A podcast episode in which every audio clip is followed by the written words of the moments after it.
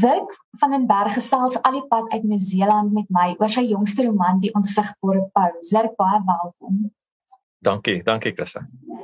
Voor ons oor jou jongste roman gesels, wil ek eerstens net vinnig by jou hoor, hoe gaan dit? Dit gaan goed. Dit is, jy weet, ek dink daar's 'n ou Chinese gesegde dat dit is 'n vloek wat jy oor iemand uitspreek as jy vir hom sê mag jy in interessante tye leef as dit so is as ek geseën want dit is baie oninteressant. ek ek lewe 'n redelike baie stil en obskure lewe. Ek hier waar ek nou sit is my kantoor wat net langs my slaapkamer is.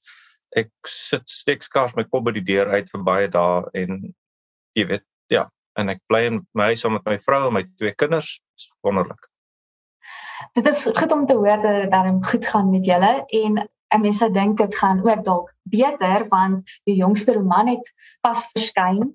Dit die onsigbare. Hoe voel jy daaroor? Man, dit is 'n baie snaakse ding as jy 'n boek skryf. Die kort antwoord is ek is baie bly dat die boek uit is en so. Maar jy weet jy, as jy 'n boek skryf, jy werk vir 'n lang tyd, werk, werk, werk, jy skaaf jy aan hierdie ding.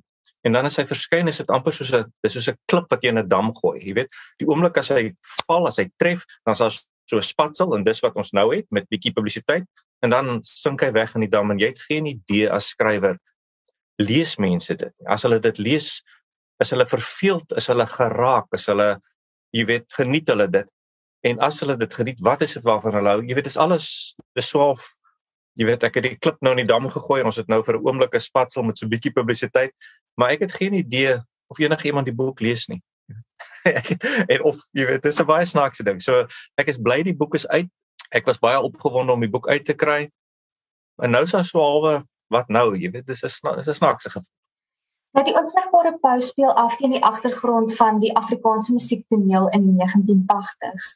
Waarom het jy die musiekwêreld as milieu vir jou roman gebruik?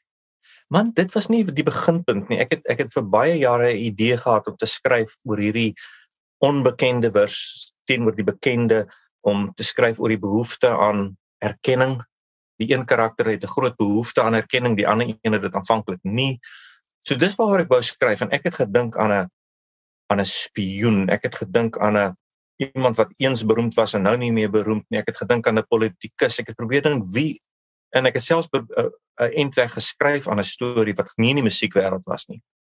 En toe ek weet nie jong, ek het daar was so 'n paar jaar terug was daar 'n dokumentêre fliek en dit is iets soos ek dink die naam was 20 feet from stardom en dit het gegaan oor die die backup singers, jy weet daai gewoonlik die drie meisies wat in die agtergrond staan en sing. En toe begin ek dink aan hierdie musiek en dink ek wel musiek is iets ek hou van musiek en en dis dalk 'n lekker agtergrond waarin die jy iemand kan hê wat half in die agtergrond agter die skerms werk en dan jy die persoon wat voor in die kollig staan. Toe vat die ding vlam. Jy weet hy het so 'n van 7 8 jaar kon ek hom nie laat werk en en toe ek die musiek bybring toe werk dit. So dit was en dit was vir my ook 'n lekker manier om te skryf oor musiek waarvan ek hou en my my bewondering vir mense wat musiek maak. Ek het ek het nul musiektalent. Ek is twee keer uit die skoolkoor uitgegooi omdat ek nie kan sing nie. Al wou ek hoe graag. So dit was ja, dit was 'n lekker ding vir my om oor te skryf en en in die 1980s dit was die tyd, jy weet, dit was my jeug en en en ek kon jy weet ek kan nie nou eintlik 'n boek skryf wat nou in Suid-Afrika afspeel nie want ek is te lank al weg. Maar jy weet daai tyd is my nog redelik helder voor die gees en die Afrikaanse musiek daai tyd was baie interessant. Jy weet dit was eers die musiek en liriek ouens Koos Du Plessis en Rika Raug en sulke mense. Anton Goosen was vreeslik aan die gang daai tyd. David Kramer was aan die gang en dan het nou later gegaan in die voelvry beweging. Jy weet die Koos Kombuis en al daai ouens wat so dit was 'n by 'n Johannes Kerkorrel So dit was 'n baie interessante tyd in die musiek, maar ek die musiek is vir my die agtergrond vir die storie. Dit is nie eintlik waaroor die storie gaan. Nee, natuurlik. Vertel my meer oor David Kramer se bydrae tot die verhaal en um, was julle vriende? Hoe het dit gebeur dat jy hom toe nou genade het? Man, dis is snaaks.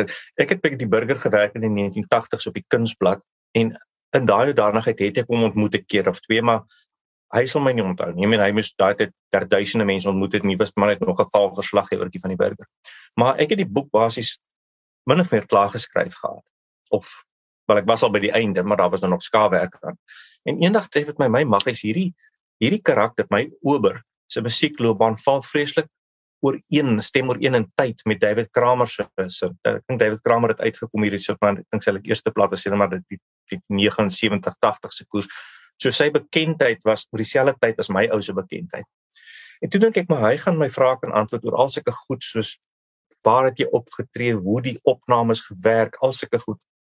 En ek gaan toe net aanlyn en ek kry, ek dink ek het 'n webwerf ek kry David Kramer se en ek sien my hierso is 'n e-mailadres en ek e-mail hom en hy kom terug na my toe en ehm um, well, anyway, ek stuur hom 'n paar e-mails en ek stuur vir my vrae en die volgende wat ek kry is 'n hele hoop opnames want hy het nie vir my die vrae getik nie, hy het vir my dit opgeneem en vir my net hierdie klomp goed gestuur. Heeltemal baie meer as wat mense vir 'n vreemdeling kan verwag om te doen. Dit was regtig vir my en dit was 'n groot hulp in die boek. Dit het my net daai vertroue gegee dat dit wat ek skryf is weet iemand gaan dit nie lees as iemand dis nie hoe dit gewerk het nie. Dit, dit is hoe dit gewerk. En dan sommer nou ek babbel 'n bietjie maar my eerste kontak met David Kramer moet ek net vir van vertel.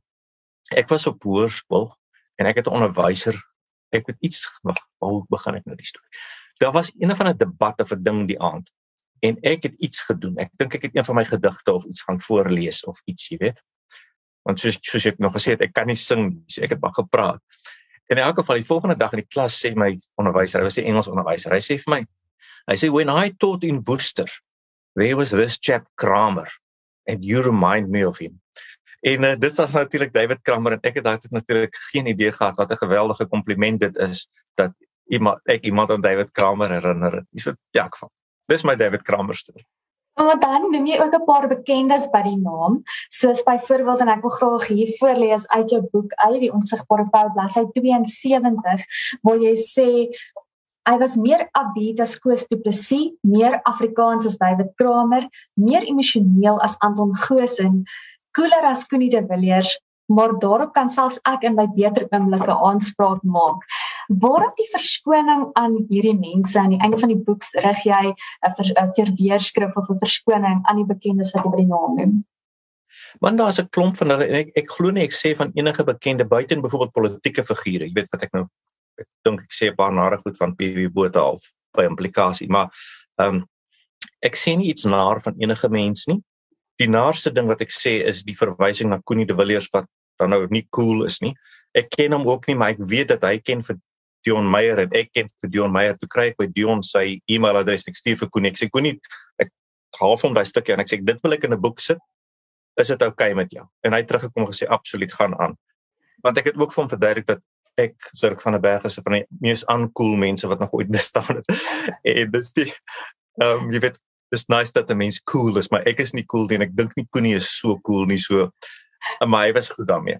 Maar ehm um, die enigste mens oor wie ek iets gesê het wat ek dink wat 'n probleem kan wees en dit is nie nie omdat ek iets lelik sê nie, maar ek sê dat Minshaw het iets gesê, né? Nee? Uh, kyk al die ander karakters word noem ek net hulle name, maar Minshaw het ek gesê, Minshaw het gesê my hierdie karakter Ober moet die hoofrol speel in 'n fliek wat sy natuurlik nooit gesê het nie maar ek, ek hoop dat dit is dan nou nie iets wat negatief reflekteer nie ek dit is eintlik maar net 'n erkenning van haar status jy weet sy's 'n bekende naam in elk geval as sy nie nou meer is nie sy was in my dae geweldig bekend um, Ek het nou net uit jou boek voorgeles en ek wil graag hê ons moet vinnig praat oor die voorblad. Wat is jou gevoel oor die helderkleurige omslag? En is dit wat jy in gedagte gehad het en en dink jy dit is geslaag vir die roman?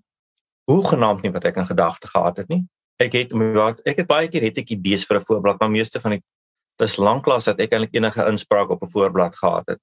Hulle vra gewoonlik wat dink jy, maar dis iets wat in jou kontrak staan daar die uitgewer besluit oor die voorblad. So hierdie voorblad was vir my 'n totale verrassing en ek was aanvanklik soort van half uit die veld geslaan om wow, jy weet, dit is baie baie woes. Maar toe dink ek 'n bietjie daaroor dink ek nee, dis eintlik nogal slim. Want jy weet, ek dink die die ontwerper as ek ek dink as ek my naam Russell Stark speel dink ek met die idee van onsigbaar en dan hierdie geweldig sigbare opvallende omslag en die pou wat amper onsigbaar op die op die omslag is omdat daar so baie helderte om hom is. En dan jy weet 'n boek die omslag het, het twee doeleinde. Dis een is hy moet uitstaan op die rak en dan twee hy moet 'n idee gee van waaroor die boek gaan. Hierdie een staan definitief uit op die rak en in terme van of of hy 'n idee gee van waar die boek gaan seker nie regtig nie behalwe dat hierdie idee van die sigbaarheid van die poue se faktor. So ek het al kommentaar gesien wat uh, die voorblad bevraagteken, maar um ek is doodtevrede. Dis een van my die voorblaai waarmee ek meer vrede het. Ek ek het nie voor ek het nie vrede met elke voorblad wat al vir my gemaak is. Maar hierdie een is hierdie een is okay dis goed om te hoor en ja dit is dit is 'n treffende omslag maar ek dink ook daar daar lê beslis meer in die ontwerp as net bloot die helder kleure.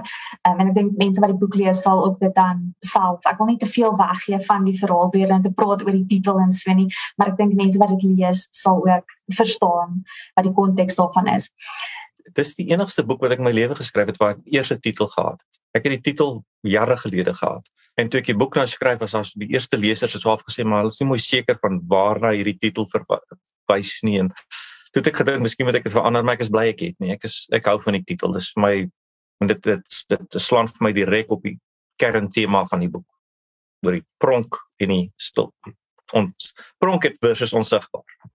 Maar ek is nou nuuskierig. Ek wil nou graag weet wat het die titel, waar kom die titel vandaan? Wat wat het gemaak dat jy daaraan gedink het, ek dink dit weet jy wat dit kan dalk goed werk vir 'n boek.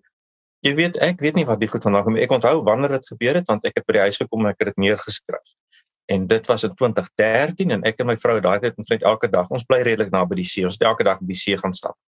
En ons het by die see gestap en ek het vir haar gesê ek wil 'n boek skryf met hierdie titel en dit moet gaan oor hierdie idee van die van beroemdheid versus anonimiteit.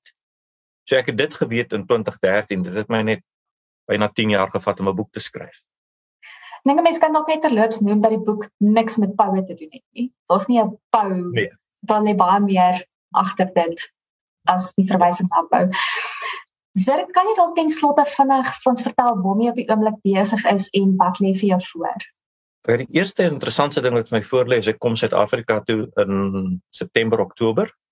Um ek sal by ek dink in Pretoria by um Aardklop dalk iets vir rondom die tyd van aardklop ietsie doen en dan gaan ek in Stellenbosch toe en by Woordfees iets doen. Voordat gaan ek vir 'n rukkie in Namibië wees waar ek wil die wêreld bietjie bekyk vir 'n boek waarna ek werk. En dis omtrent dit. So ek is besig om aan 'n boek te werk wat ek nou 'n draai in die Namibwoestyn wil gaan gooi voor en dan het ek 'n ander boek wat volgende jaar uitkom wat reeds lankal geskryf is. En wat met die arme boek ek dink ek hom in 2017 voorgelê en hy word elke keer so half uitgeskop. En hy moes nou uitgekom het. Maar toe my uitgewer hierdie onsigbare Pau boek lees toe, um, ag dis nou 'n meer komplekse storie, maar hy het vir my gesê kan ons nie maar die boek nou eers uitgee nie, ander een nog 'n jaar uitskryf nie. So dis wat gebeur. So daar kom volgende jaar nog 'n boek en as ek besig met iets en hooplik sien ek 'n paar van die mense wat nou hier luister daag op as ek iets doen in Suid-Afrika. Ek het my voor 'n leessaal staan en praat nie.